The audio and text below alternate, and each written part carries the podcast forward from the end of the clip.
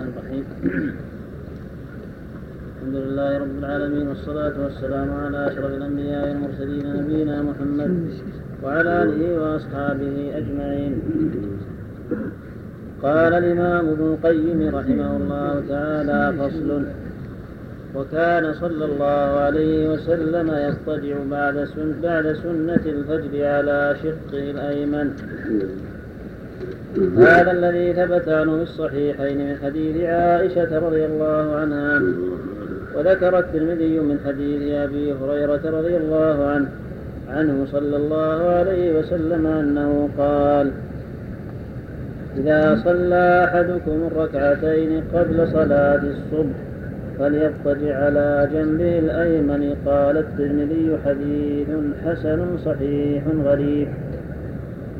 وسمعت ابن تيمية يقول هذا باطل وليس بصحيح وإنما الصحيح عنه الفعل لا الأمر بها والأمر تفرد به عبد الواحد بن زياد وغلط فيه نعم. وأما ابن حزم ومن تابعه فإنهم يوجبون هذه الضجعة ويبطل ابن حزم صلاة من لم يضطجعها بهذا الحديث وهذا مما تفرد به عن الأمة ورأيت مجلدا لبعض أصحابه قد نصر فيه هذا المذهب.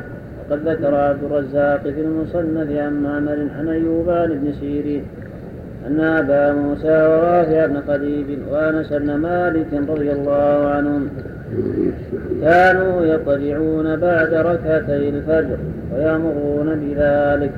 وذكر عن معمر عن أيوب عن نافع أن ابن عمر كان لا يفعله. ويقول كفانا بالتسليم. هذه ضيعة اختلف الناس فيها طرفان ووسط. منهم من أهملها ومنهم من أوجبها كابن حزم. والسنة بين ذلك فيها مستحبة وليست واجبة ومن تركها فلا بأس.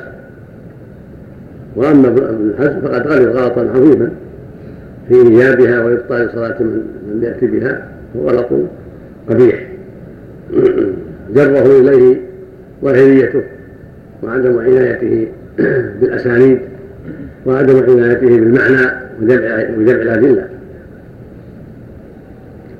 فقد ثبت عن عائشة رضي الله عنها أنها قالت كنت كان يصلى الرسول إذا صلى ركعتين اضطجع على شقه الأيمن وجاء عنها قالت إن كنت مستيقظة حدثني وإن كنت غير مستيقظة اضطجع على هذا. يدل على أن في بعض الأحيان يتحدث معها ولا ولا يضطجع وأما الأمر فلو صح لكان الاستحباب بدليل تركه لها بعض الأحيان.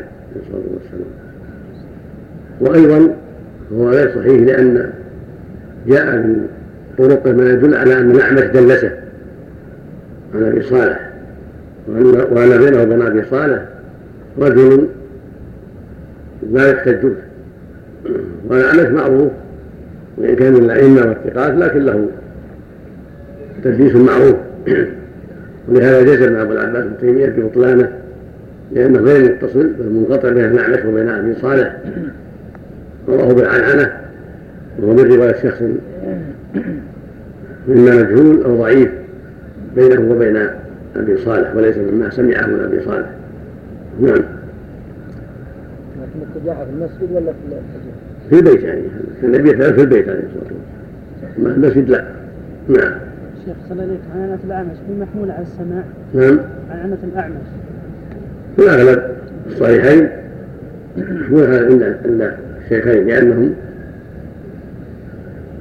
درسوا رواياته وأمثاله واعتنوا بها ومحضوها ورووا عنه ما عرفوا سماعه. والغالب عليه عدم التدليس. لكن قد يدلس في بعض الأحيان إذا كان في هذه الصحيحين فإنه تعل روايته بالتدليس في العنعنة نعم. ارتجع ينكر عليه ارتجع في المسجد ينكر عليه؟ يعني هذا ليس من السنة. ما كان النبي يفعله ولا الصحابة في المسجد. نعم. إنما يفعل في البيت. نعم.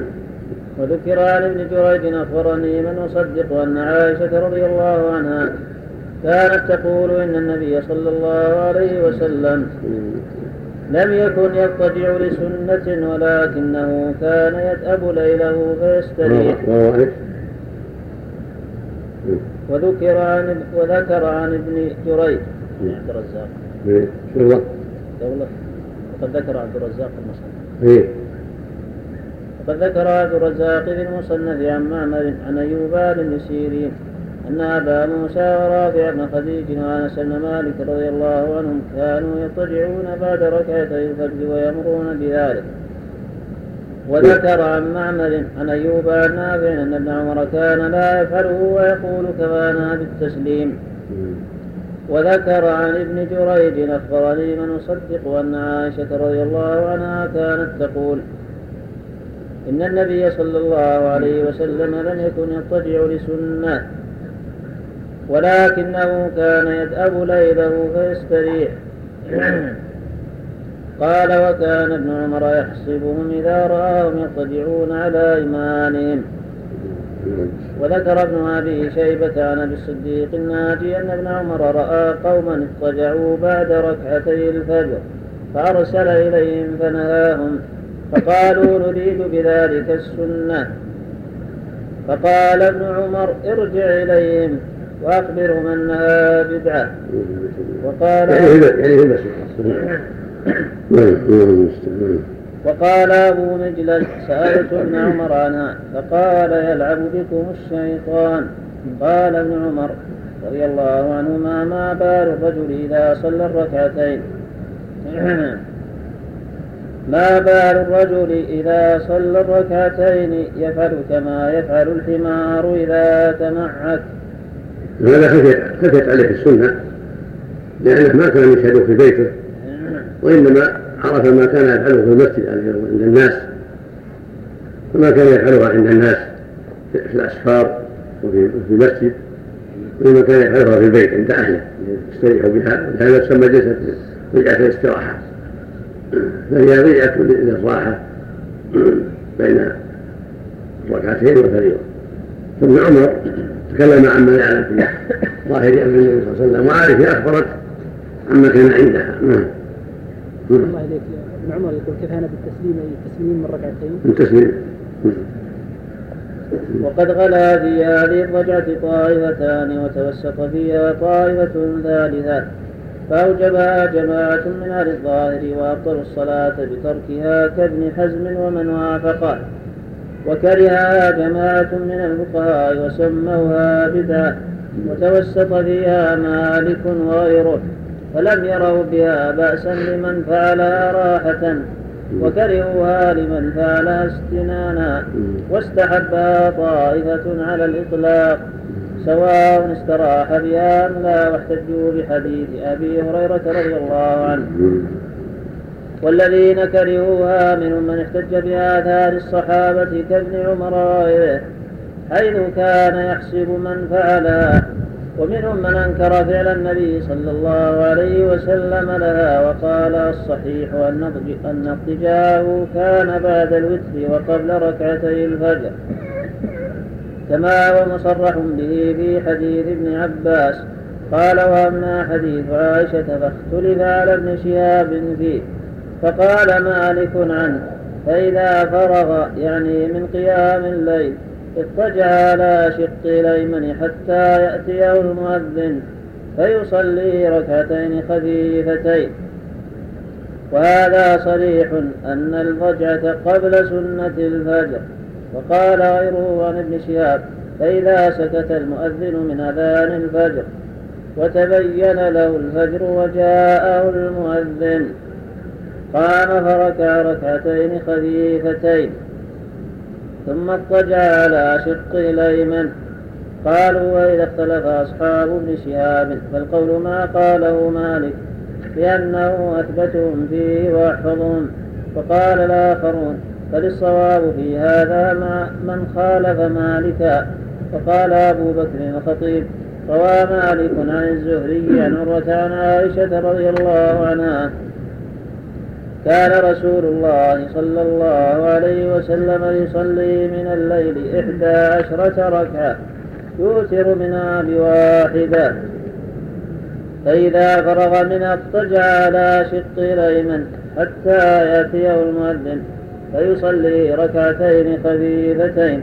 وخالف مالكا عقيل ويونس وشعيب وابن أبي ذئب والأوزاعي وغيرهم. فرووا عن الزهري فرووا عن الزهري أن النبي صلى الله عليه وسلم كان يركع الركعتين للفجر ثم يضطجع على شقه الأيمن حتى يأتيه المؤذن فيخرج معه. فذكر مالك أن اضطجاعه كان قبل ركعتي الفجر وفي حديث الجماعة أنه اضطجع بعدهما. ولا منافاة ولا حرج لا منافاة ولا حرج. الصواب أنه لا خطأ لا من هؤلاء ولا من هؤلاء. فيقتضي بعد الوتر حتى يؤذن حتى يقوم صلاة الفجر؟ ويقتضي بعض ركعتي الفجر ركعة خفيفة ثم يقوم. ولا منافاة بين هذا وهذا. نعم. نعم. وفي حديث الجماعة أنه اضطجع بعدهما فحكم العلماء أن مالكا فحكم العلماء أن مالكا أخطأ وأصاب غيره انتهى كلامه. وقال أبو طالب قلت لأحمد حدثنا أبو الصلت عن أبي كدينة عن سهيل بن أبي صالح عن ابي عن أبي هريرة رضي الله عنه عن النبي صلى الله عليه وسلم أنه اضطجع بعد ركعتي الفجر. قال شعبة لا يرفعه. قلت فإن لم يضطجع عليه شيء. قال لا. عائشة ترويه وابن عمر ينكره. قال الخلال وأنبان المروزي أن أبا وأنبان المروزي. أن أبا عبد الله قال حديث أبي هريرة ليس بذاك قلت إن الأعمش يحدث به عن أبي صالح عن أبي هريرة. قال عبد الواحد وحده يحدث به. وقال إبراهيم بن الحارث إن أبا عبد الله سئل عن الاضطجاع بعد ركعتي الفجر. قال ما أفعله؟ وإن فعله رجل فحسن انتهى فلو كان حديث عبد الواحد بن زياد عن الأعمش عن أبي صالح صحيحا عنده لكان أقل درجاته عنده الاستحباب. وقد يقال إن عائشة رضي الله عنها روت هذا وروت هذا فكان يفعل هذا تارة وهذا تارة فليس في ذلك خلاف فإنه من المباح والله أعلم. يعني تارة بعد يقضي بعد اجتهاده ووتره وتارة بعد ولا مانع من أن يفعلهما جميعا. فإنه في آخر الليل ينتهي من الوتر ويضطجع يستريح. ثم إذا أذن المؤذن وقال وصلى ركعتين اضطجع على شقه الايمن قليلا ثم خرج إلى الصلاة. نعم. نعم. وفي اضطجاعه على شقه الأيمن سر وهو أن القلب معلق بالجانب الأيسر. فإذا نام الرجل على الجانب الأيسر استثقل نوما لأنه يكون في دعة واستراحة فيثقل نومه. فإذا نام على شقه الأيمن فإنه يقلق ولا يستغرق في النوم لقلق القلب وطلبه مستقره وميله إليه. ولهذا استحب الأطباء النوم على الجانب الأيسر. لكمال الراحة وطيب المنام. وصاحب الشرع يستحب النوم على الجانب الأيمن لئلا يثقل نومه. وينام عن قيام الليل. فالنوم على الجانب الأيمن أنفع للقلب وعلى الجانب الأيسر أنفع للبدن والله أعلم. وكان صلى الله عليه وسلم يعجبه التيمم. وهذا من التيمم. وقد يكون من الحكمة ما ذكره المؤلف يكون أقل للنوم وأبعد عن النوم لأنها بدعة خفيفة. فإذا كان الأيمن حصل التيمم وحصل بذلك أيضا عدم سرعة النوم. وهو يزيد الصلاة. قد يكون هذا والله أعلم. نعم. نعم. لا لا هذا الحق من صلى في بيته نعم. فصل في هديه صلى الله عليه وسلم في قيام الليل.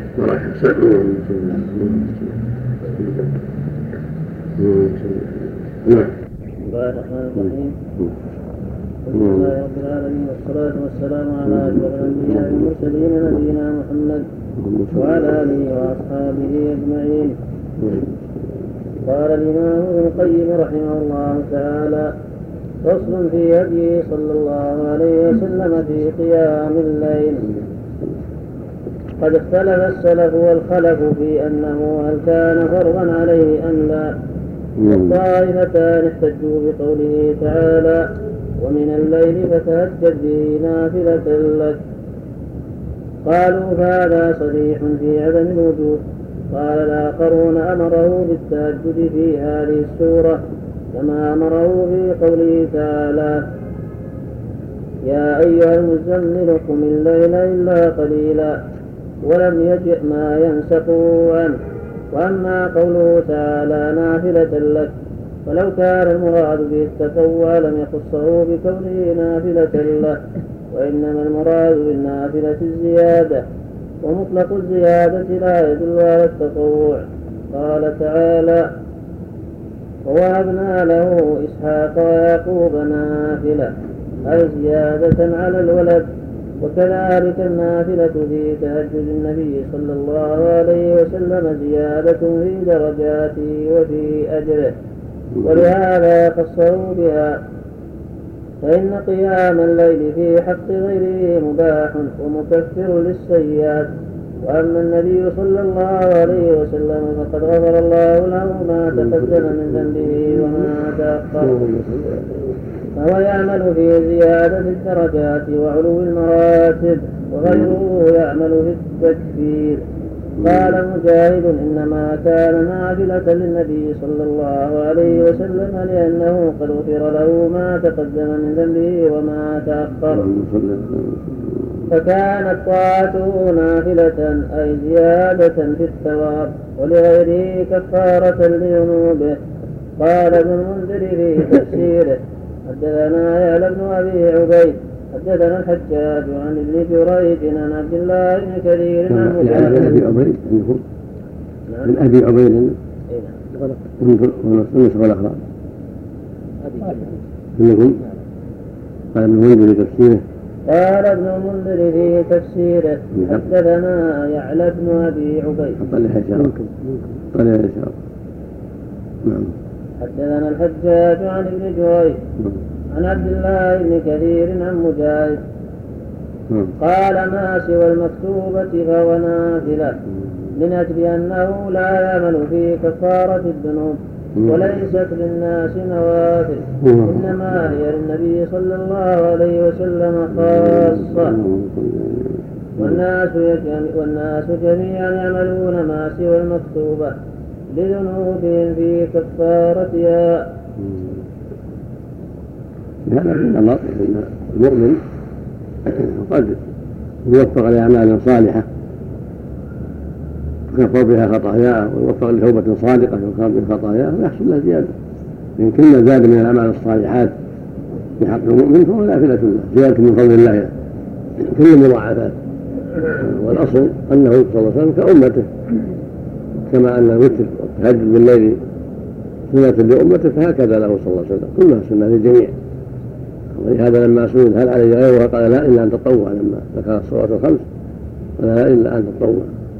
وكثيرها الصلوات الخمس وما سواها فهو الزيادة وفضل من الله عز وجل شرعه لعباده ليزدادوا خيرا ويكسبوا عملا صالحا. ولو كان مغفورا له عليه الصلاة والسلام فإن هذا من مزيد الدرجات مزيد الحسنات.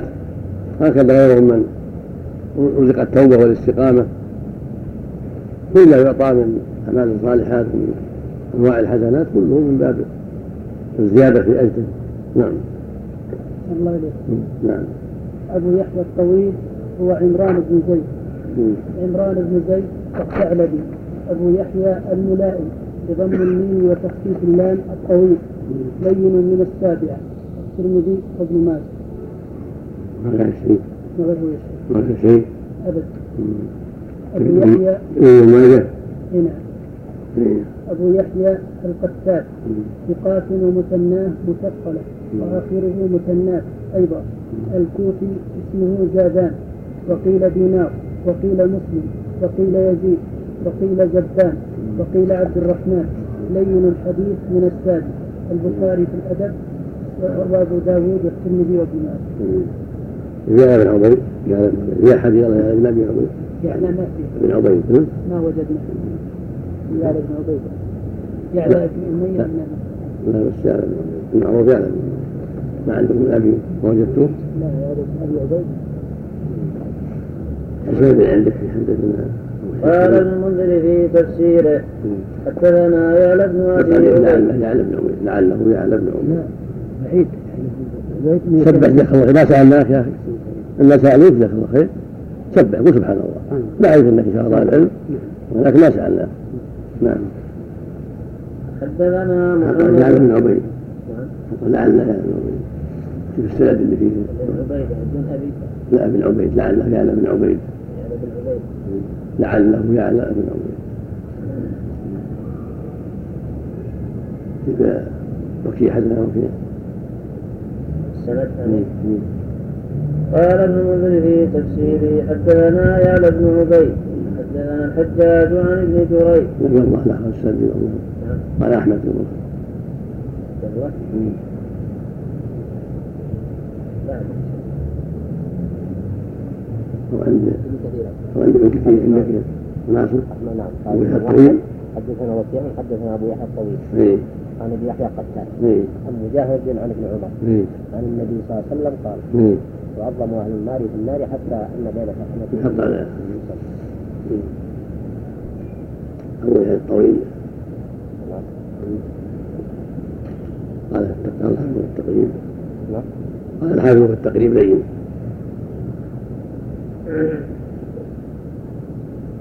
وهكذا أبو يحيى أبو يحيى القتاد أبو يحيى القتاد وبهذا وبهذا يكون هذا الحديث ضعيفا بهذا السند والله. نعم. نعم. حدثنا محمد بن نصر حدثنا عبد الله حدثنا عمرو عن سعيد وق- وق- وقبيصة.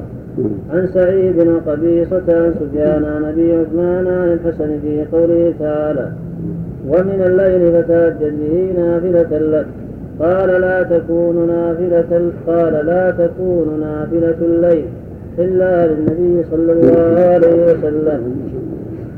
وذكر عن الضحاك قال نافلة للنبي صلى الله عليه وسلم خاصة. وذكر سليم بن حيان حدثنا أبو غالب حدثنا أبو أمامة. سليم. سليم. ضربته الضم إلى شك كيف تقريب سليم ضبطه نعم. نعم. حدثنا أبو أمامة قال إذا وضعت الطهور مواضعه كنت مغفورا لك. فإن كنت تصلي كانت لك فضيلة وأجرا. فقال رجل يا أبا أمامة أرأيت إن قام يصلي تكون له نافلة؟ قال لا إنما النافلة للنبي صلى الله عليه وسلم. كيف يكون له نافلة وهو يسعى بالذنوب والخطايا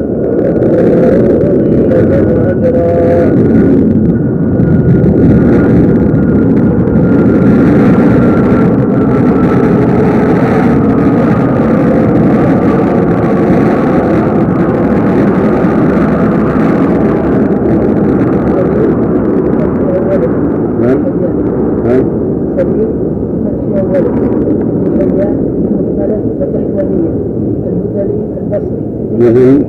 البصري ثقة من السابع الجماعة من المصري البصري المصري ثقة الثامنة؟ من السابع نعم علامة الجماعة نعم. في غيره لأنه غير هو الوحيد نعم. نعم قلت والمقصود أن النافلة بالآية لم يرد بها ما يجوز فعله وتركه كالمستحب والمندوب وإنما المراد بها الزيادة في الدرجات. وهذا قدر مشترك بين الفرض والمستحب. فلا يكون قوله نافلة لك نافيا لما دل عليه الأمر من الوجوب. وسيأتي مزيد بيان لهذه المسألة إن شاء الله تعالى. عند ذكر خصائص النبي صلى الله عليه وسلم. ولم يكن صلى الله عليه وسلم يدع قيام الليل حضرا ولا سفرا. وكان إذا غلبه نوم أو وجع صلى من النهار ثنتي عشرة ركعة. فسمعت شيخ الإسلام ابن تيمية رحمه الله يقول في هذا دليل على أن الوتر لا يقضى لفوات محله. فهو كتحية المسجد وصلاة الكسوف والاستسقاء ونحوها لأن المقصود به أن يكون آخر صلاة أن يكون آخر صلاة الليل وترا كما أن المغرب آخر صلاة النار. فإذا انقضى الليل وصليت الصبح لم يقع الوتر موقعه هذا معنى كلامه. وقد روى أبو داود ماجه من حديث أبي سعيد الخدري رضي الله عنه. عن النبي صلى الله عليه وسلم قال من نام عن الوتر أو نسيه فليصلي إذا أصبح أو ذكر. ولكن لهذا الحديث عدة علل. أحدها أنه من رواية عبد الرحمن بن زيد بن أسلم وهو ضعيف. الثاني أن الصحيح فيه أنه مرسل له عن عن النبي صلى الله عليه وسلم. قال الترمذي هذا صح يعني المرسل. الثالث أن ابن ماجه حكى عن محمد بن يحيى بعد أن روى حديث أبي سيد الصحيح أن النبي صلى الله عليه وسلم قال اوتروا قبل أن تصبحوا. قال فهذا الحديث دليل على أن حديث عبد الرحمن واهن. وكان قيامه صلى الله عليه وسلم بالليل إحدى عشرة ركعة أو ثلاث عشرة كما قال ابن عباس وهذا في الأفضل إذا فاته بالليل. قضاه من النهار شفعا كما فعل النبي صلى الله عليه وسلم انه كان إذا فاته لمرض أو نوم صلى من النهار اثنتي عشر ركعة. كان الغالب عليه أن يوتر بإحدى عشره. فإذا شغله شاغل من مرض أو نوم تعوض عن ذلك بعدد الركعات وزاد ركعه هكذا الإنسان إذا فعل حزبه بالنهار قبل الظهر فكانه فعله في الليل. هذا من فضل الله عز وجل. فمن فاته حزبه بالليل من قراءة أو صلاة قضاه من النهار. لكن يجعله شفعا. نعم حديث الدرهم الليل الأسف مثل ما ذكر المؤلف ضعيف الإسناد ولو صح هذا حمل على هذا أن يصلي إذا أصبح وذكر يعني يصلي إذا أصبح وذكر شفعا كما فعله النبي صلى الله عليه وسلم. ويروى موقوفا على ابن عمر نعم. إذا فات أحد صلاة المغرب إذا فات واحد صلاة المغرب واحد يعني أراد أن يتصدق عليه يصلي مثلا معه يتصدق عليه في الجماعة هل يشفع بركعة؟ ويصلي مثله. يصلي مثله لأنه يكون النهار نعم. وهكذا لو جاء الجماعة المصلين صلى معهم ولا يحتاج إلى أن يزيد شيء. هذا بس في الليل خاصة. وتر النهار وهي المغرب فيصليها كما هي. أو فاتته يصليها كما هي. ثلاثا فقط. ولا يصلي معك كذلك. نعم. الذي يتصدق عليه كذلك يصلي زي ما ثلاثة. ثلاثة نعم. الشيخ فات نعم. نعم. بس قبل الظهر نعم.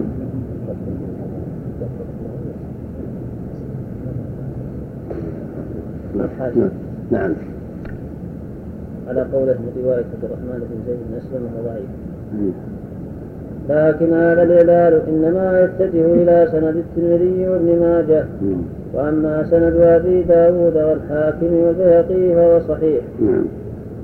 فإنه عندهم من رواية أبي غسان عن محمد بن مطرف المدني عن زيد بن أسلم. أبي غسان هو محمد بن المطرف نعم هو مطرف هو محمد بن مطرف فإنه عندهما في الحديث. فإنه عندهم من رواية أبي غسان. محمد. عن محمد. محمد المطرف نعم. من رواية أبي غسان محمد بن مطرف المدني عن زيد بن أسلم. عن عطاء بن يسار عن أبي سعيد الخدري هذا إسناد صحيح.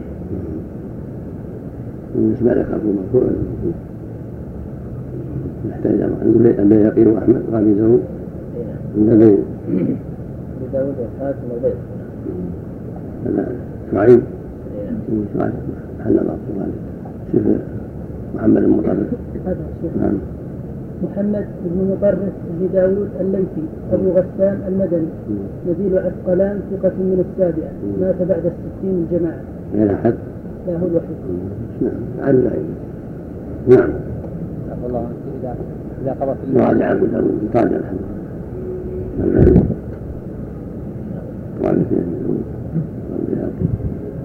نعم. الله إذا قضى في النهار 12 ركعة هل يكون هذا قضاء للوتر؟ نعم.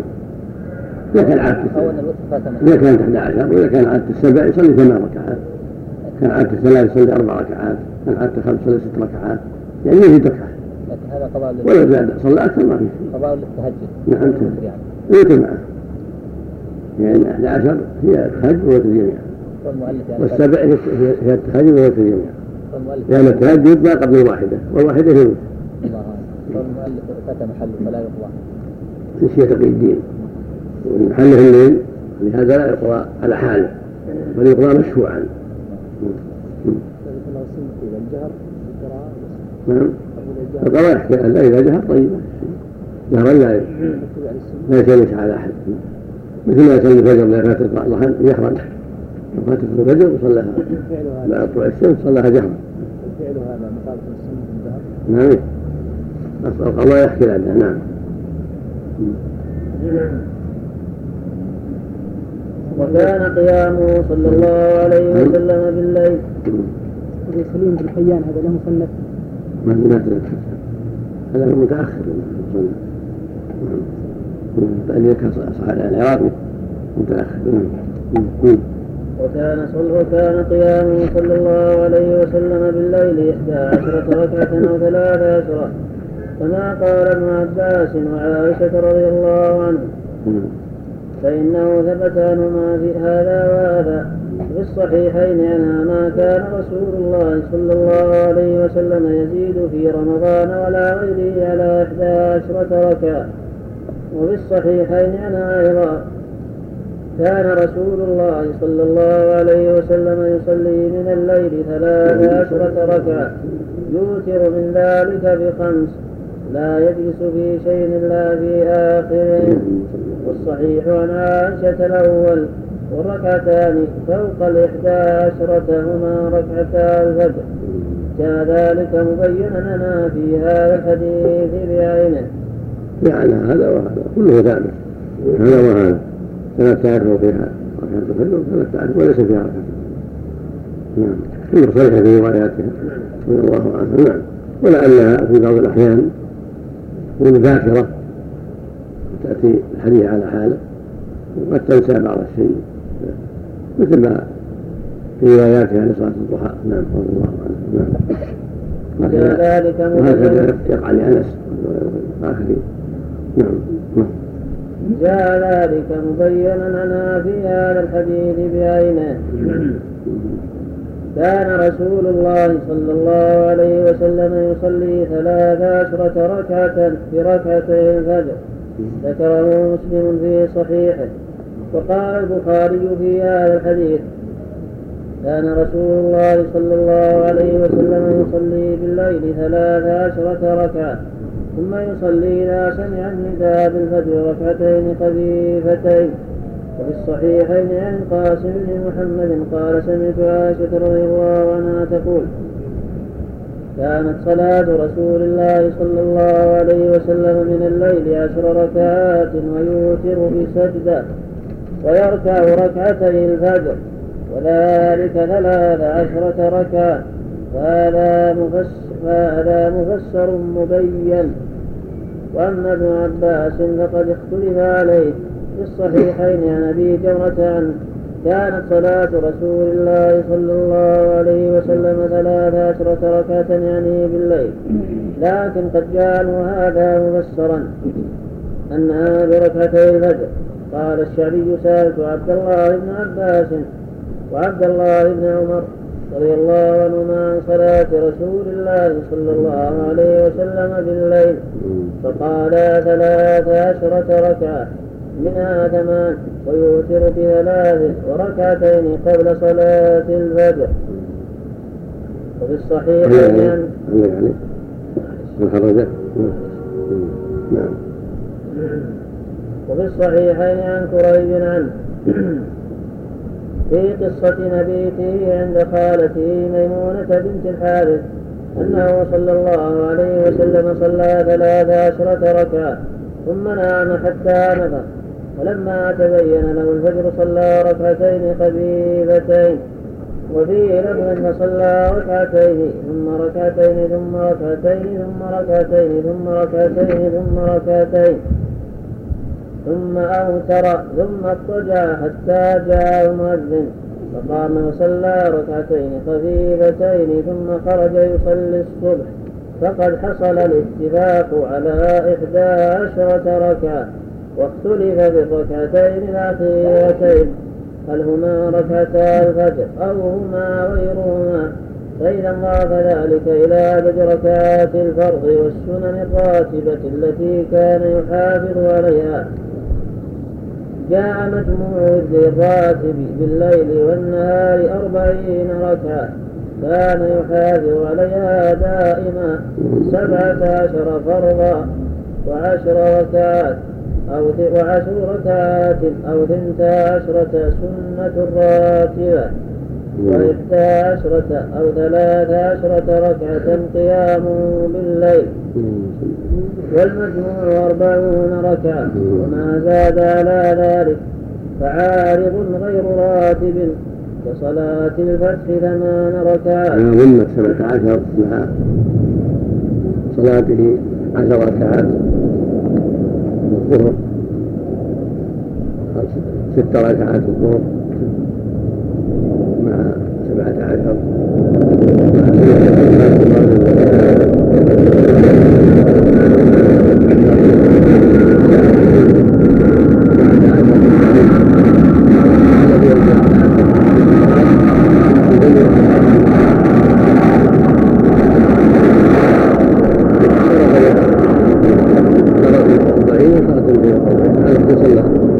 يقرأ ب 11 صلاة 40 ويقرأ ب 13 صلاة 42 وصلاة الضحى إذا قدم من سفر وصلاته عندما يزوره وتحية المسجد ونحو ذلك فينبغي للعبد أن يواظب على هذا الورد دائما إلى الممات.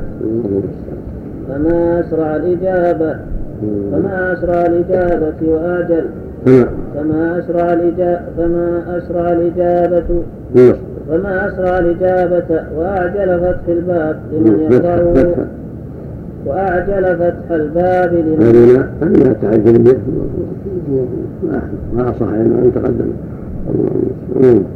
وأعجل فتح الباب لمن يقرأه كل يوم وليلة أربعين مرة والله المستعان. فصل في سياق صلاته صلى الله عليه وسلم بالليل. ووتره وذكر صلاة أول الليل. رحمه الله نعم. صلاة الضحى ما لها حد ما لها حد محدود بعض أهل العلم الصلاة صلاة زمان ولكن لا دليل على هذا يصلي ما شاء ولم يتركه ولا حد محدود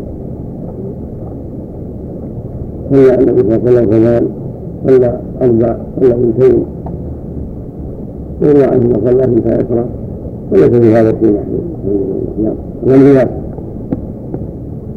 يقول النبي صلى الله عليه وسلم صلاة الليل والنهار مثنى مثنى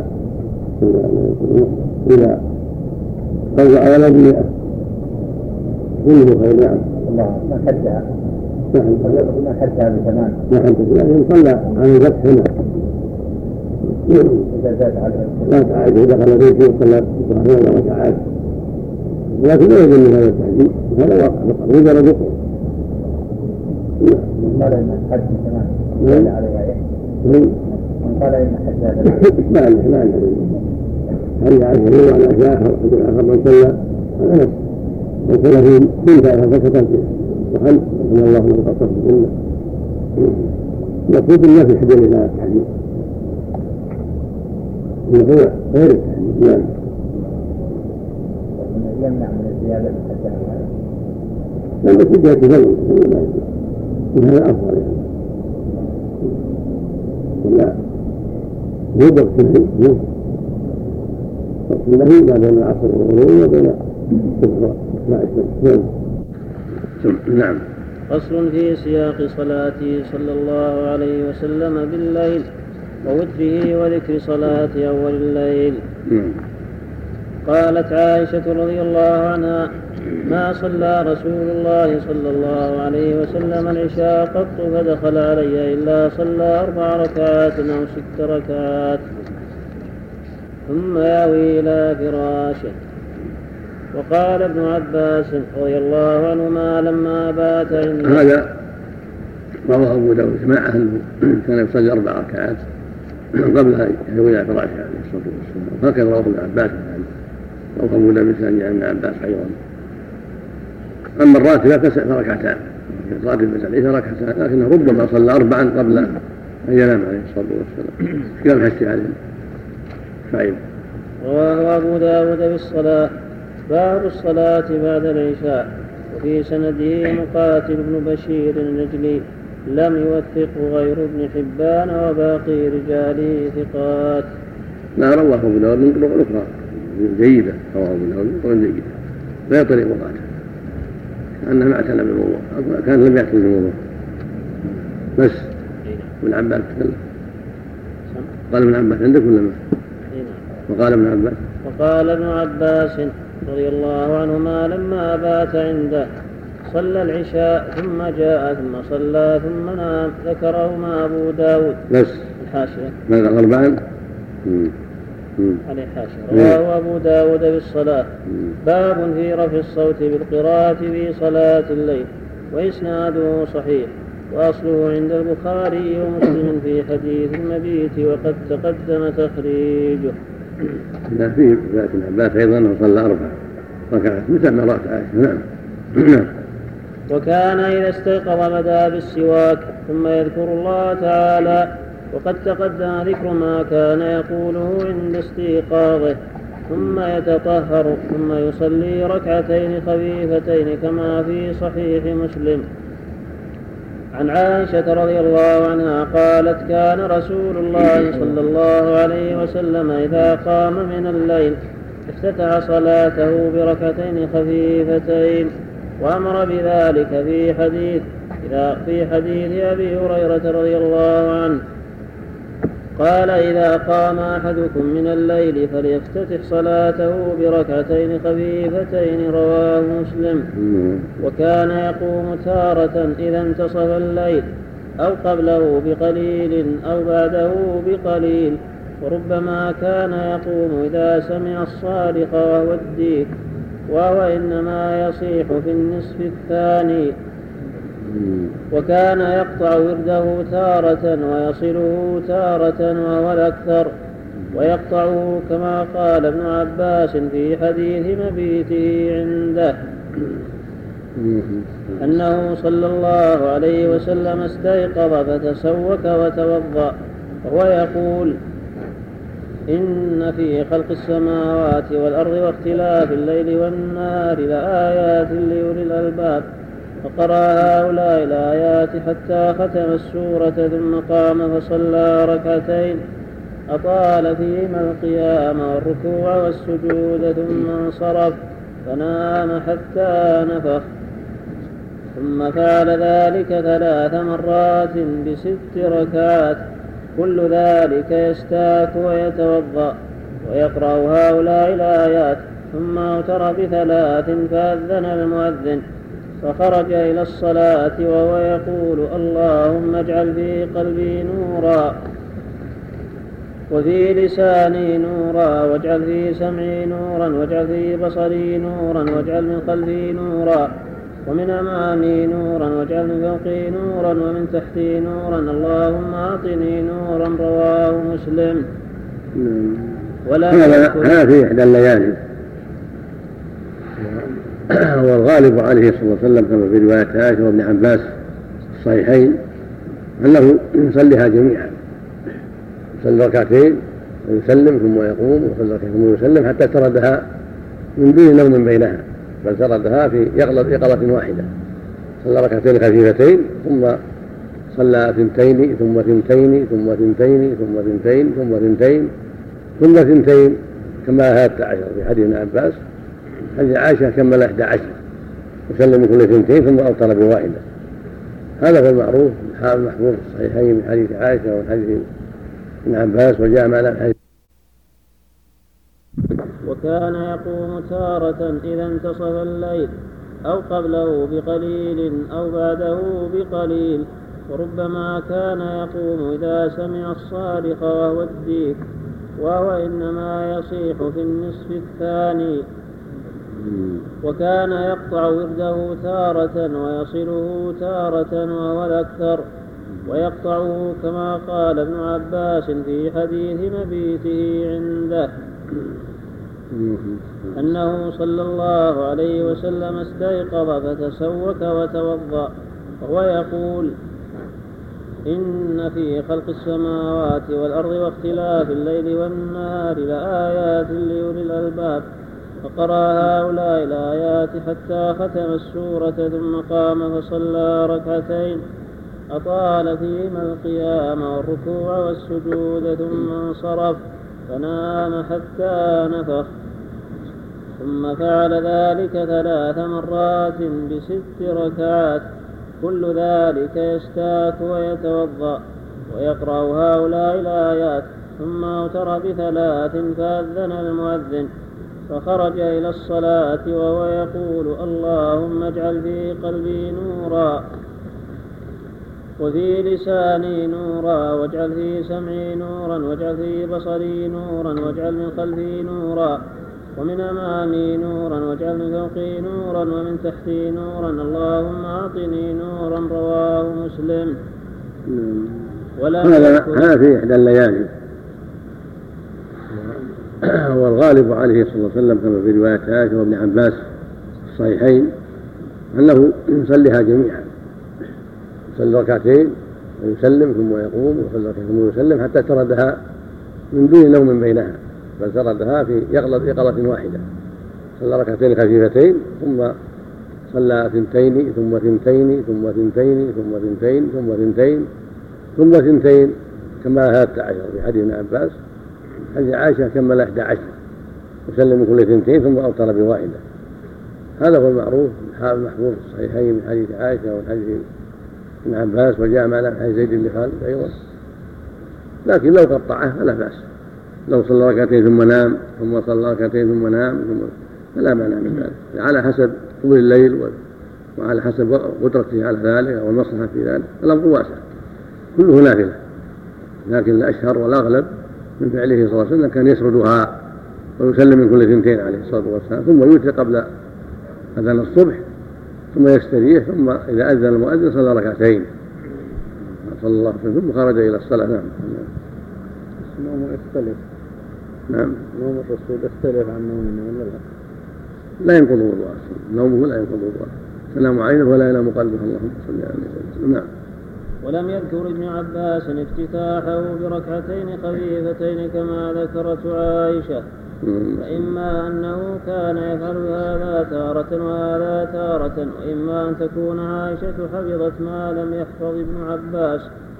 وهو الأظهر لملازمتها له ولمراعاتها ذلك. ولكونها أعلم الخلق بقيامه بالليل. وابن عباس إنما شاهده ليلة المبيس عند خالته. وإذا اختلف ابن عباس وعائشة في شيء من أمر قيامه بالليل فالقول ما قالت عائشة. وكان قيامه هكذا هكذا نساؤه. معلم الناس بأموره في البيت. أعلم الناس بأموره في البيت هم, هم أزواجه. وأعلم الناس بأحواله في السفر هم أصحابه الملازمون له في السفر. فنساؤه صلى الله عليه وسلم أعلم الناس بحاله وشؤونه في بيته. لملازمة منه عليه الصلاة والسلام. وكون الرجال لا يحضرون ذلك. أما في السفر فالرجال أعلم بأحواله عليه الصلاة والسلام. نعم. وفيما يفعله خارج البيت مما يفعله في المسجد ومما يخطب به الناس. ومما يفعله لدى أصحابه حين يزورهم الرجال أعلم بذلك نعم. وكان قيامه بالليل ووتره أنواعا فمنها هذا الذي ذكره ابن عباس النوع الثاني الذي ذكرته عائشة أنه كان يفتتح صلاته بركعتين خفيفتين ثم يتمم ورده إحدى عشرة ركعة. ثم ثم أنه كان يفتتح صلاته بركعتين خفيفتين ثم يتمم ورده إحدى عشرة ركعة يسلم من كل ركعتين ويوتر بركعة. والنوع النوع الثالث ثلاث عشرة ركعة كذلك. النوع الرابع يصلي ثمان ركعات يسلم من كل ركعتين. ثم يوتر بخمس سردا متوالية. لا يجلس في شيء إلا في آخر. النوع الخامس وهذا النوع الأخير رواه رواه عائشة أيضا.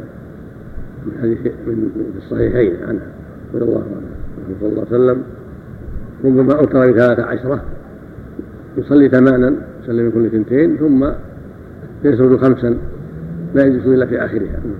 هذا النوع الرابع من أنواع وتر عليه الصلاة والسلام. نعم. النوع الخامس تسع ركعات. يسرد. نعم. النوع الرابع في الصحيحين. نعم.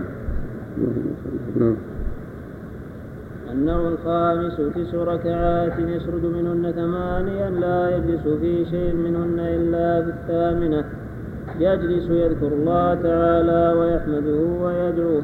ثم ينهض ولا يسلم ثم يصلي التاسعة ثم يقعد ويتشهد ويسلم ثم يصلي ركعتين جالسا بعدما يسلم. النوع السادس يصلي سبعا كالتسع المذكورة ثم يصلي بعدها ركعتين جالسا. النوع السابع أنه كان يصلي مثنى مثنى ثم يوتر بثلاث لا يفصل بينهن.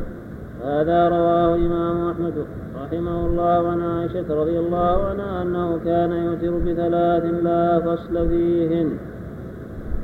وروى النسائي عنها كان لا يسلم في ركعتي الوتر وهذه الصفة فيها نظر وقد روى أبو حاتم ابن حبان في صحيحه عن أبي هريرة رضي الله عنه عن النبي صلى الله عليه وسلم لا توتروا بثلاث أوتروا بخمس أو سبع ولا تشبهوا بصلاة المغرب. قال الدار قطني رواته كلهم ثقات. قال مؤنى سألت أبا عبد الله إلى أي شيء تذهب في الوتر تسلم في الركعتين؟ قال نعم. قلت لأي شيء؟ قال لأن الأحاديث فيه أقوى وأكثر عن النبي صلى الله عليه وسلم. لأن الأحاديث فيه أقوى وأكثر عن النبي صلى الله عليه وسلم في الركعتين. الزهري عن عروة عن عائشة أن النبي صلى الله عليه وسلم سلم من الركعتين. وقال حرب سئل أحمد عن قال يسلم في في الركعتين وإن لم يسلم رجوت أن لا يضر. وهذا هو الأفضل الأفضل أن يسلم من الركعتين. ويوتر بواحدة مفردة. هذا هو الأفضل. وإذا فعل بعض الأحيان ما فعله النبي صلى الله عليه وسلم كان أيضا سنة. إذا أوتر بخمس سردها أو بسبع سردها إلا في السادسة يجلس ثم ينهض ولا يسلم أو بتسع ثم يجلس في الثامنة ويتشهد ولا يسلم ثم ينهض ويأتي في التاسعة أو سرد ثلاثا جميعا ولم يشبهها بالمغرب. منهي عنه التشبيه بالمغرب. تشبيهها بالمغرب يكون يجلس في الثانية ولا يتشهد ولا ولا يسلم ثم يقوم. هذا هو المكروه. أما إذا سردها سردا ولم يجلس فيها إلا في الأخيرة فإنه لم يشبهها بالمغرب. وهذا هو الثابت من حديث عائشة من حديث أبي بن كعب أيضا. هذا نوع من أنواع وتره صلى الله عليه وسلم يسرد الثلاث لكن لا يجلس في الثانية بل يسردها سردا لا يجلس إلا في الثالث. مثل ما سرد الخمس ولم يجلس إلا إلا في الخامسة أما تشبيهها بالمغرب هذا هو المنهي عنه. يصلي اثنتين ويجلس ثم ينهض قبل أن يسلم. ثم يأتي بالثالث هذا هو المنهي عنه هذا هو تشبيهها بالمغرب نعم. الله إليك هذا الحديث لا تنكروا بثلاث ولا بخمس.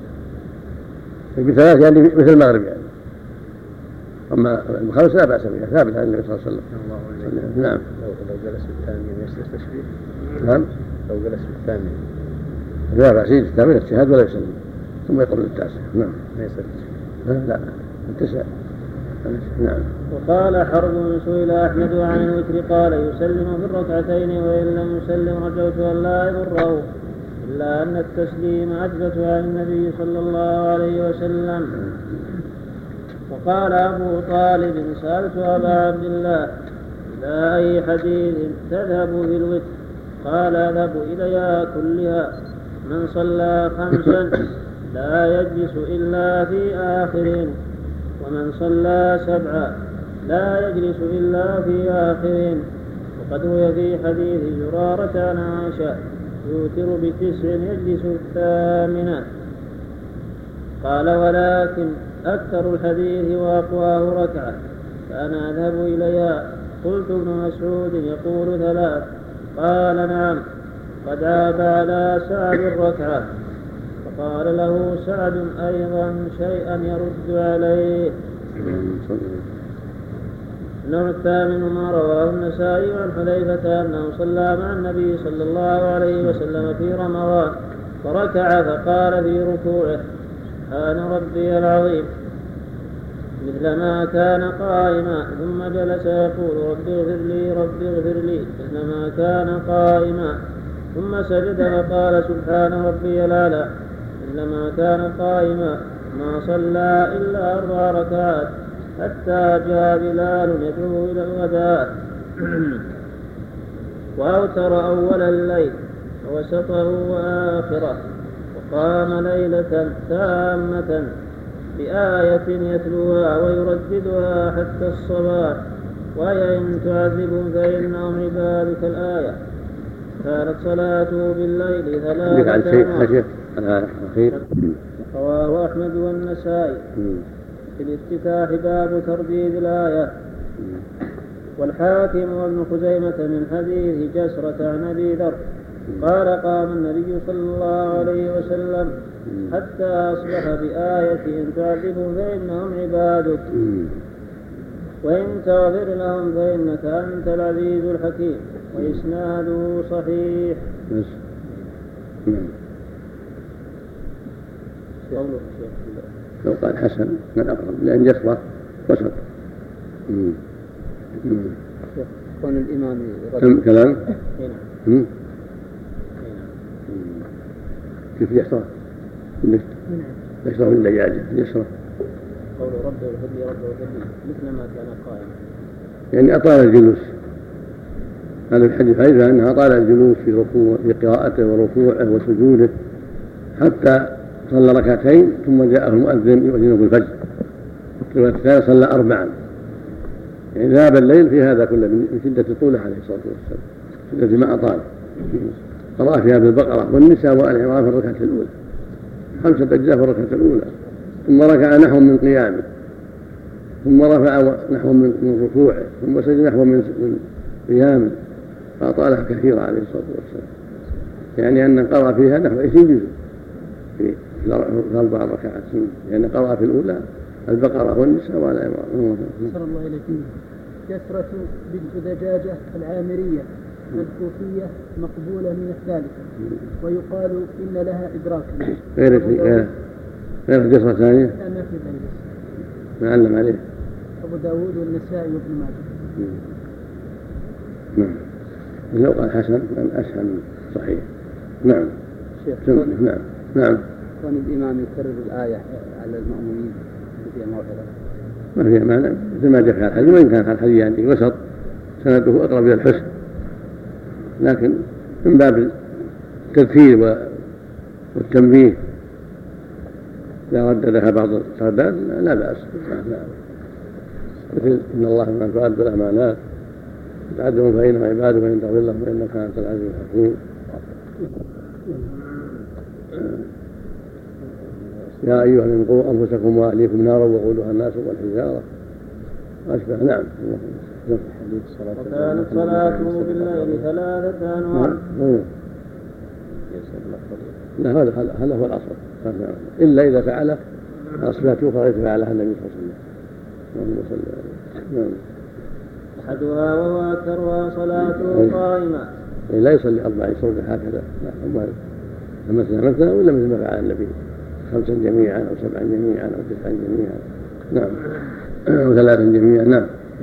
أحدها وهو أكثرها صلاته قائمة. قبل هذا وكانت صلاته بالليل ثلاثة أنواع. أحدها وهو أكثرها صلاته قائمة ثانيا أنه كان يصلي قاعدا ويركع قاعدا. الثالث أنه كان يقرأ قاعدا. فإذا بقي يسير من قراءته. قام فركع قائما. والأنواع الثلاثة صحت عنه. وأما صفة جلوسه في محل القيام ففي سنن النسائي عن عبد الله بن شقيق عن عائشة رضي الله عنها قالت رأيت رسول الله صلى الله عليه وسلم يصلي متربعا. قال النسائي لا أعلم أحدا روى هذا الحديث غير أبي داود يعني الحفري وأبو داود ثقة ولا أحسب إلا أن هذا الحديث خطأ. والله أعلم. عليه لا. لا أعلم وجها لما قاله النسائي يقول لا أعلم وجها لما قاله النسائي عليه نعم. رواه النسائي في صلاة الليل. باب كيف صلاة صلاة باب كيف صلاة القاعد. حديث أبي داود الحفري عن حفص بن غياث عن حميد الطويل عن عبد الله بن شقيق عن عائشة رضي الله عنها ورجاله ثقات. وروى مالك في الموطأ بسند صحيح عن عبد الله بن دينار أنه سمع عبد الله بن عمر وصلى إلى جنبه رجل فلما جلس الرجل في أربع تربع وثنى رجليه. فلما انصرف عبد الله عاب ذلك عليه. فقال الرجل, الرجل فإنك تفعل ذلك. قال عبد الله بن عمر فإني أشتكي. ورواه هو البخاري من حديث عبد الله بن عبد الله بن عمر أنه كان يرى عبد الله بن عمر يتربع في الصلاة إذا جلس. ففعلته أنا يومئذ حديث السن. فنهاني عبد الله بن عمر. قال إنما سنة الصلاة أن تنصب رجلك اليمنى وتثني اليسرى. فقلت إنك تفعل ذلك. فقال إن رجلي لا تحملاني وهذا غير ما روت عائشة.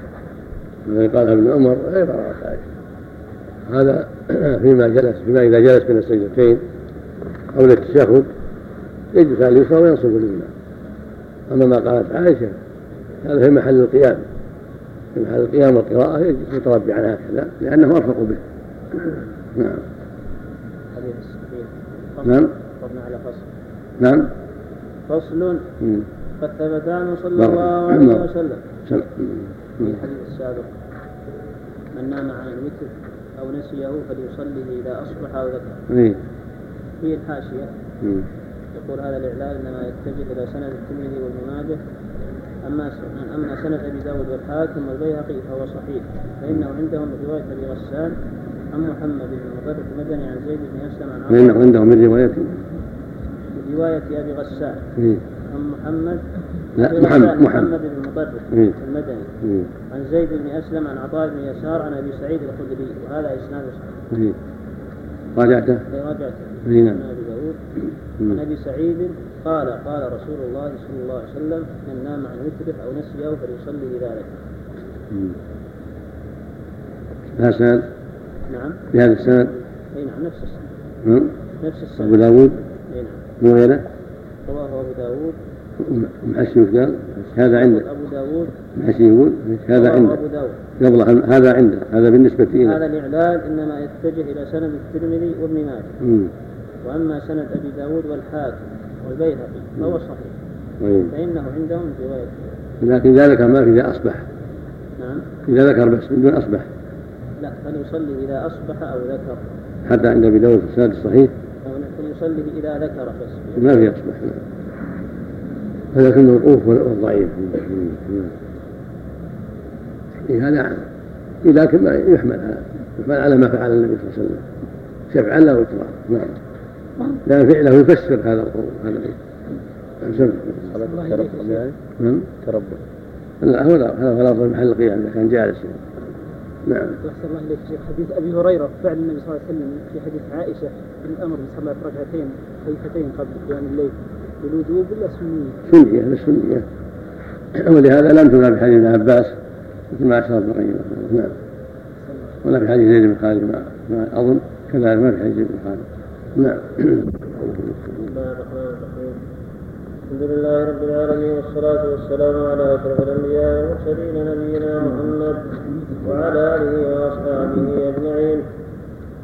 قال الإمام ابن القيم رحمه الله تعالى فصل. وقد ثبت عنه صلى الله عليه وسلم أنه كان يصلي بعد الوتر ركعتين جالسا تارة وتارة يقرأ فيهما جالسا. فإذا أراد أن يركع قام فركع. وفي صحيح مسلم عن أبي سلمة قال سألت عائشة رضي الله عنها عن صلاة رسول الله صلى الله عليه وسلم. فقالت كان يصلي ثلاث عشرة ركعة يصلي ثمان ركعات. ثم يوتر ثم يصلي ركعتين وهو جالس. فإذا أراد أن يركع قام فركع. ثم يصلي ركعتين بين النداء والإقامة من صلاة الصبح. وفي المسند عن أم سلمة رضي الله عنها أن النبي صلى الله عليه وسلم كان يصلي بعد الوتر ركعتين خفيفتين وهو جالس. وقال الترمذي روى نحوها روي نحو هذا عن عائشة وأبي أمامة وغير واحد عن النبي صلى الله عليه وسلم. وفي المسند عن أبي أمامة رضي الله عنه أن رسول الله صلى الله عليه وسلم كان يصلي ركعتين بعد الوتر وهو جالس. يقرأ فيهما بإذا زلزلت وقل يا أيها الكافرون. وروى الدار قطني نحوه من حديث أنس رضي الله عنه. وقد أشكل هذا على كثير من علق على رواية أحمد؟ نعم. صحيح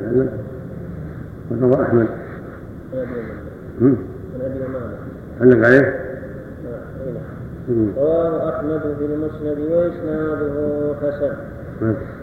ما بينه. ما ذكر. نعم. وقد أشكل هذا على كثير من الناس وظنوا معارضا لقوله صلى الله عليه وسلم اجعلوا آخر صلاتكم بالليل وترا. وأنكر مالك رحمه الله هاتين الركعتين. وقال أحمد لا أفعله ولا أمنع من فعله. وقال وأنكره مالك وقالت طائفة إنما فعل هاتين الركعتين. ليبين جواز الصلاة بعد الوتر وأن فعله لا يقطع التنفل. وحملوا قوله اجعلوا آخر صلاتكم بالليل وترا على الاستحباب. وصلاة الركعتين بعده على الجواز.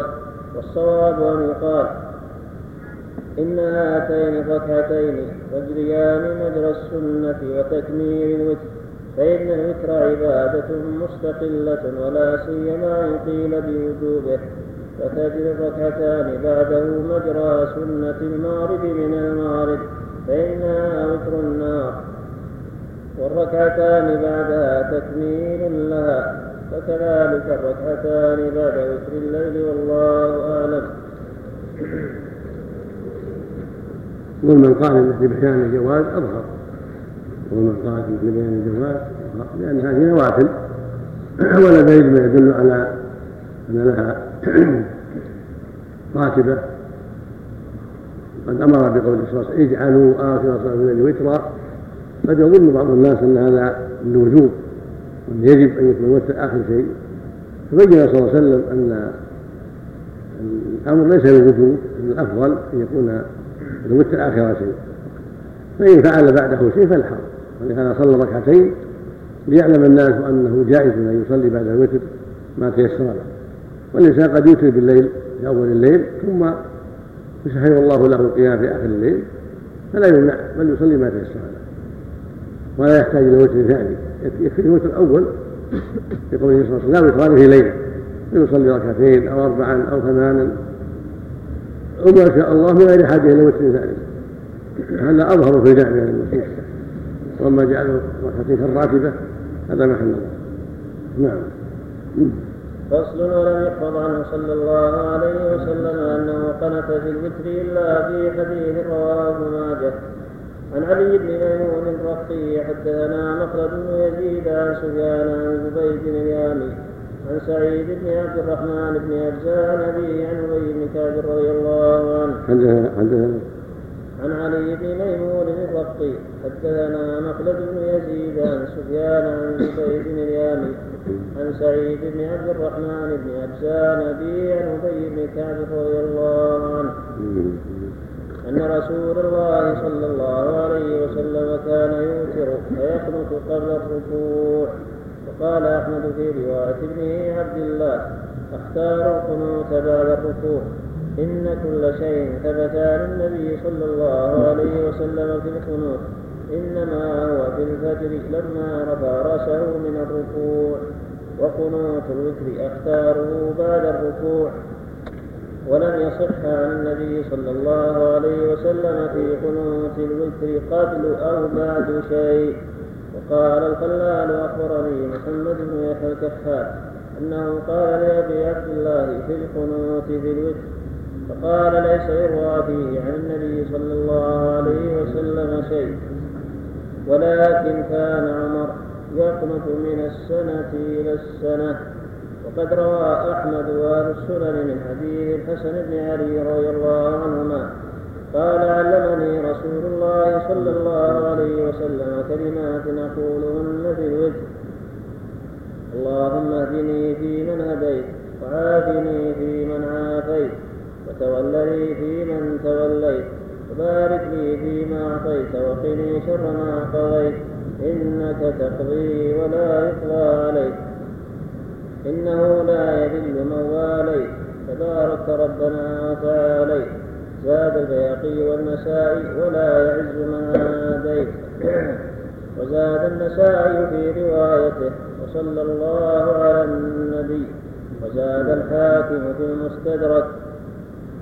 وقال علمني رسول الله صلى الله عليه وسلم في وتري إذا رفعت رأسي ولم يبق إلا السجود.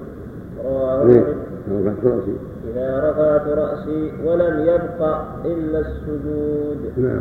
رواه ابن حبان في صحيحه. ولفظه سمعت رسول الله صلى الله عليه وسلم يدعو. قال الترمذي وفي الباب عن علي رضي الله عنه وهذا حديث حسن لا نعرفه إلا من هذا الوجه من حديث أبي الحوراء السعدي واسمه ربيعة بن شيبان. ولا نعرف عن النبي صلى الله عليه وسلم في القنوط في الوتر شيئا أحسن من هذا انتهى.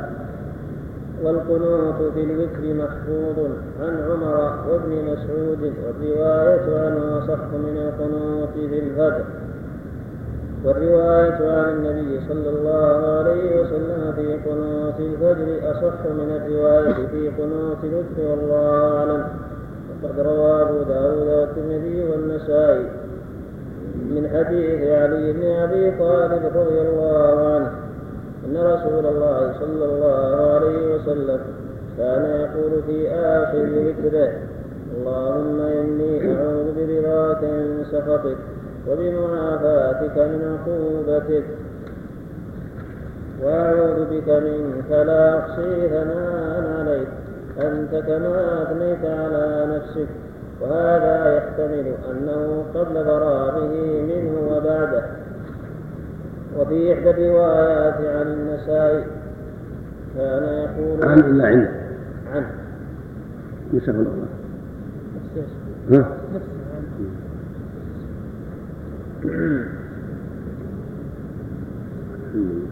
نعم.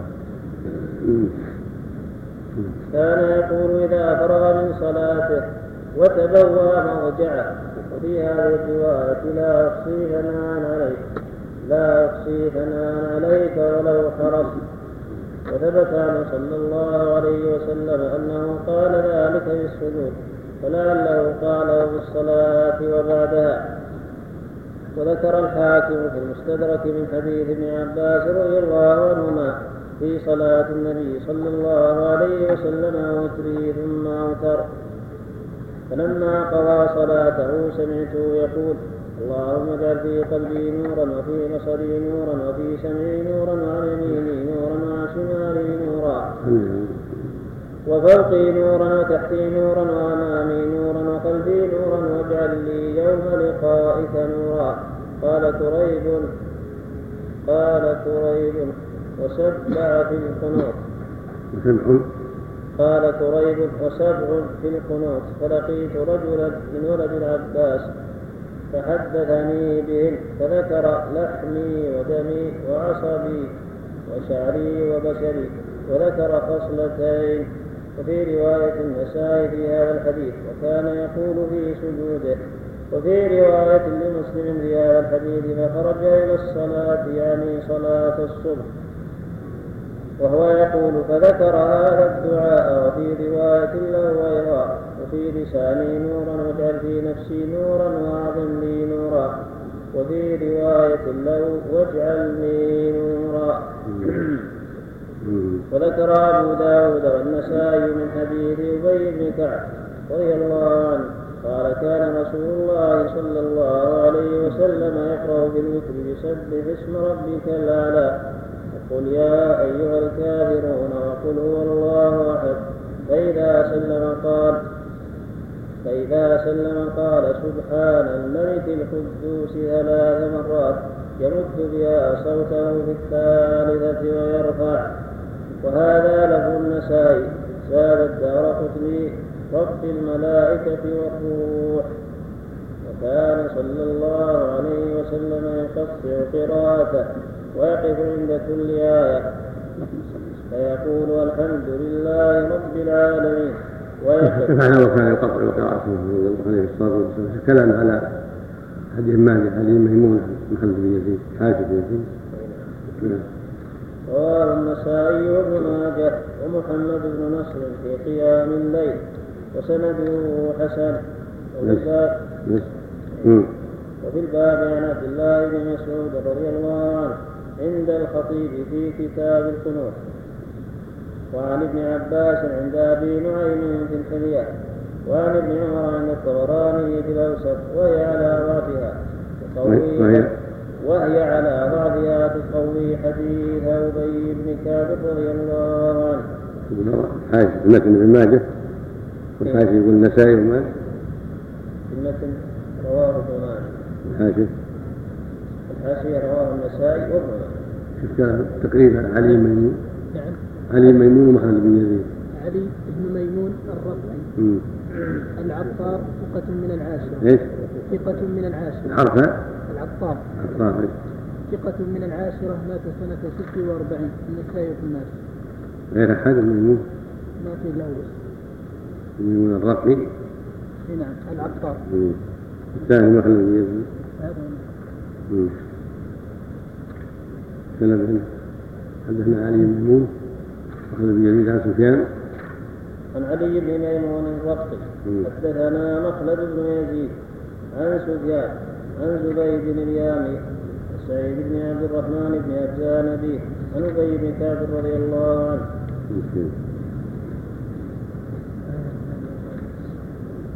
إيش الراجح يا شيخ؟ المحل بن يزيد. هذا يا شيخ. مخلد بن يزيد القرشي الحراني صدوق له أوهام من كبار التاسعه مات سنة 93 البخاري ومسلم وأبو داود والنسائي وابن ماجه. ما في له يمكن هذه الأوهام المحفوظ الأحاديث الصحيحة كلها بعد الركوع هذا هو المحفوظ. ونور بعد الركوع حديث عمر صحيح البخاري في حديث أبي هريرة كثيرة في حديث أخرى كلها بعد الركوع الراجح من القنوتين بعد الركوع لكن في الفجر ولا في في النوازل فقط؟ في النوازل وفي القنوت النوازل. الفجر دائما لا هم شرعي إنما في النوازل. يكون بالفجر فقط أما أو الفجر. دائما هذا خلاف السنة. إنما يفعل في النوازل. النوازل بالأوقات الخمسة ولا بالفجر؟ الأوقات الخمسة نعم. لكن الفجر أفضلها الفجر أفضلها نعم. قنوت نعم. هذا الله الحديث الحسن على رسول الله. كلمة تقولهن في قلوبكم نعم. حديث حسن جيد لا بأس به. نعم. وهو خمسة. نعم. نعم. هذا الله الحديث الحسن. نعم. هو حديث جيد لا بأس به. صحيح. نعم. لكن بعض كان الصحابة في قنوتهم في رمضان ربما تركوا بعض الأوقات في أول السنة. إذا ترك بعض الأحيان من باب يعني إشعار النفس. أنه غير واجب وفي تراويح إشعار الناس أنه غير واجب إذا ترك بعض الليالي والحسن. حتى يعلموا أنه ليس بواجب. كان صلى الله عليه وسلم يقطع قراءته هل التقطيع هذا وقفنا عليه درس في العتيق نعم. نعم. زياده دار كتب رب الملائكه والروح ما ذكر حالها احتاج إلى نظر أما رواية النسائي صحيح. سبحان الملك والقدوس صحيح. ان يكررها مع يحتاج. يحتاج مراجعه الدار. نعم. في صحته ثانيا لفظ نعم. بسم الله الرحمن الرحيم والنسائي دار قطب الثاني يجمع ما هب ودم دار قطب من الكتب التي تجمع ما هب ودم تجمع الصحيح والضعيف والموضوع. نعم. نعم. نعم. لو زاد فتنة الفجر مثلا الدعاء على اليهود. طيب اليهود أو على الشيوعيين لا بأس. لا بأس. لكن ما يكون دائما. النبي كان يقول في النوازل ولا يدين ترك شهرا ترك أربعين يوما ثم يمسك على في ثبت رواية البيهقي وذكر الحافظ النووي رحمه الله رواه البيهقي بإسناد جيد. كان اليدين في مر عليها نعم إذا قالت ترفع وإذا لكنها سنه قناه من أسباب من أسباب الإجابة نعم. لكن كان يدعو بدون رفع اليدين سنه قناه يدعو برفع اليدين في القنوت هذا أفضل نعم. ما في ما في حرج. مثل الدعاء. لكن مو سنة. رفع اليدين في القنوت وفي الاستسقاء في الدعاء عند الجمرة الأولى والثانية على الصفا والمروة. الصفا والمروة وفي عرفات في مزدلفة ورفعها أفضل. رفع اليدين أفضل. نعم. وما عداها تارة وتارة نعم بسم الله الرحمن الرحيم الحمد لله رب العالمين والصلاة والسلام على أشرف الأنبياء والمرسلين نبينا محمد وعلى آله وأصحابه أجمعين قال الإمام ابن القيم رحمه الله تعالى وكان صلى الله عليه وسلم يقطع قراءته ويقف عند كل آية. فيقول الحمد لله رب العالمين ويقف الرحمن الرحيم ويقف مالك يوم الدين. وذكر الزهري أن قراءة رسول الله صلى الله عليه وسلم كانت آية آية وهذا هو الأفضل. وهذا عمل بقوله جل وعلا ورتل القرآن ترتيلا. فإن قراءة القرآن مرتل يقف عند رؤوس الآية أنفع له وللمستمعين. يتمكنوا من التدبر والتعقل وهو كذلك يتمكن من التدبر والتعقل. فإن حضر القراءة فلا بأس إن حضرها قراءة واضحة ليس فيها هذرمة ولا إسقاط حروف جاز ذلك. لكن الترتيل هو الأفضل والأكمل نعم. لكن الله يحفظك قوله فصل ابن القيم رحمه الله عليه ويقطع قراءته. يقف على على رؤوس الآية لكن يكملها بكلام آخر. الحمد لله رب العالمين. الرحمن الرحيم. مالك يوم الدين. هذا هذا الأفضل. فإن قال الحمد لله رب العالمين الرحمن الرحيم مالك يوم الدين. جاز حسب البصر. نعم. نعم. قول ابن الجزري من لم يجود القرآن آثم في نظر في نظر. هذا قول جماعة من أهل التجويد ولكن في نظر. هو من تحسين التلاوة ومن محسن مزينات التلاوة ولكن الوجوب فيه نظر لأن معناه الترقيق والتفخيم والوجود هذه لا تخل بالمعاني. ولكن الاتيان بها على الوجه الذي ذكر المجودون أصحاب التجويد يكون أفضل من باب تحسين القراءة وتزيين القراءة وإكمال الحروف وإعطائها حقها. نعم. قل يا شيخ حفظك الله. ما يعتضد له بقول الرسول صلى الله عليه وسلم ليس منا من لم يتغنى بالقرآن وهذا منه. ما هو ما هو هو لازم فسره النبي قال يجهر به يحسن صوته به تحسين الصوت والجهر به ما يلزم منه. هذا نعم. وغيرك لما كان الشيخ الشنقيطي يدرسنا يقول إن القرآن لا يقرأ إلا بالإجازة ولا يقرأ بالوجادة. فما هذا معناه التحسين يعني تحسينه تحسين الصوت به. الإجازة ولإقامة الحروف نعم. لا يقول لا يقرأ إلا مجاز. حتى ياخذ يعني لفظ القرآن كما ينبغي. لأن العام اللي ما أخذ عن أحد قد يغير ويحرف الكلمات والحروف مثل ما قال رحمه الله. يعني ينبغي أن يكون المتعلم شيخ في القرآن يوجهه. نعم. تفخيم الراءات في إدغام في إظهار في وجود في تحسين اللفظ بالقراءة.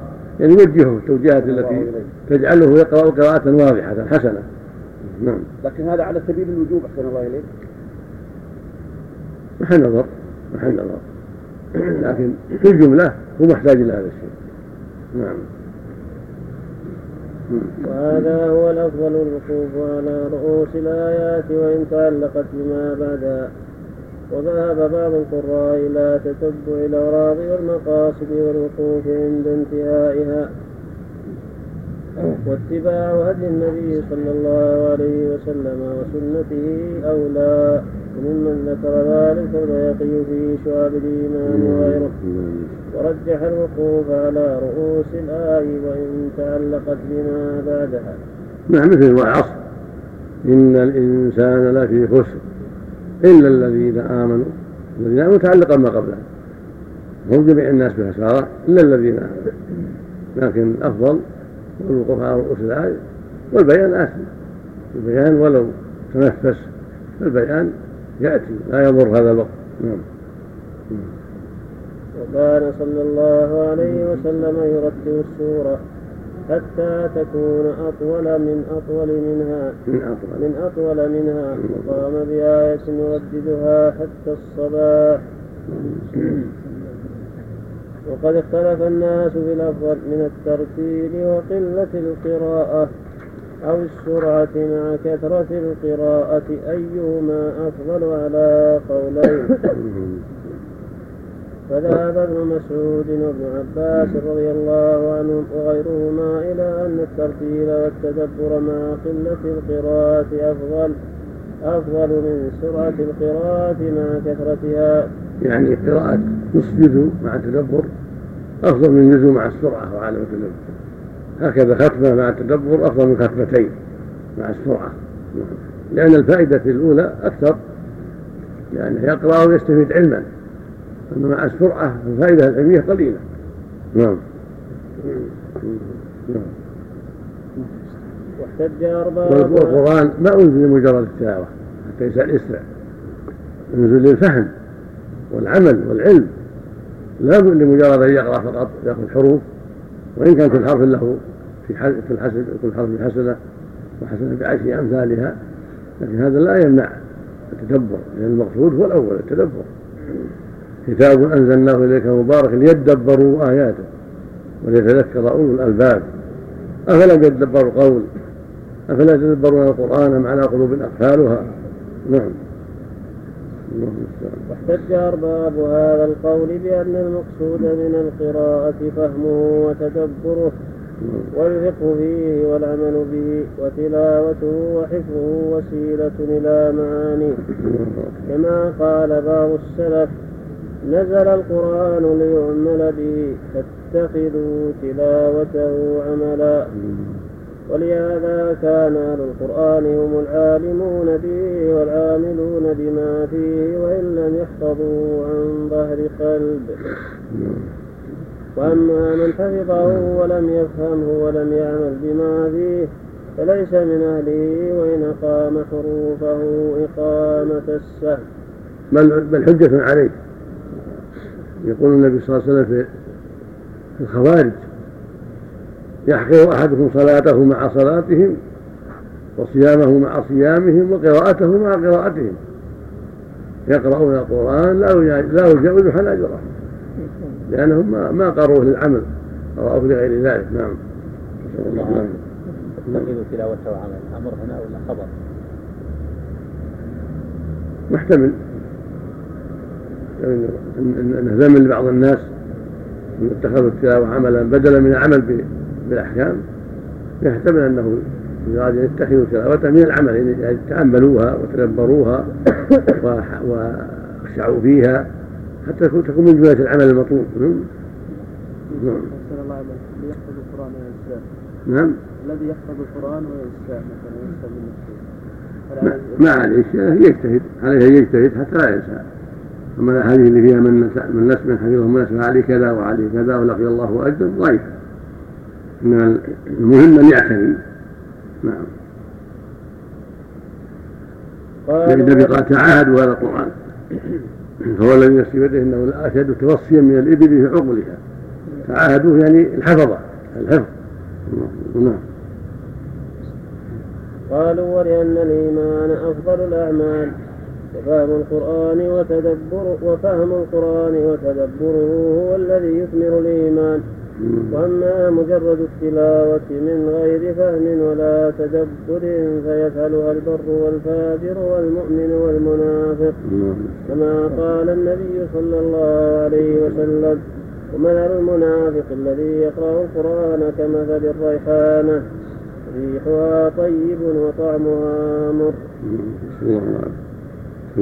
والناس في هذا أربع طبقات. أهل القرآن والإيمان وهم أفضل الناس. الثانية من عدم القرآن والإيمان. الثالثة وهم شر, وهم شر الناس. من عدم القرآن والإيمان شر الناس نسأل الله نعم. نعم. الثالثة من أوتي قرآنا ولم يؤت إيمانا. الرابعة من أوتي إيمانا ولم يؤت قرآنا. قالوا فكما أن من أوتي إيمانا بلا قرآن أفضل ممن أوتي قرآنا بلا إيمان. كالمنافقين. يقرأون ولا إيمان. فهو في الدرك الأسفل من النار لأن قراءتهم لم تنفعهم ولم يعملوا بها. فقرأوا رياء وتلبيسا وخداعا لا لأنهم يؤمنون به. نسأل الله العافية. هكذا الخوارج عندما كفرهم وهكذا عندما لم يكفرهم. لم ينتفعوا بذلك. بل كفروا المسلمين وضللوهم وقاتلوهم. نعم. قالوا فكما أن من أوتي إيمانا بلا قرآن أفضل ممن أوتي قرآنا بلا إيمان. وكذلك من أوتي تدبرا وفهما في التلاوة أفضل ممن أوتي كثرة قراءة وسرعتها بلا تدبر.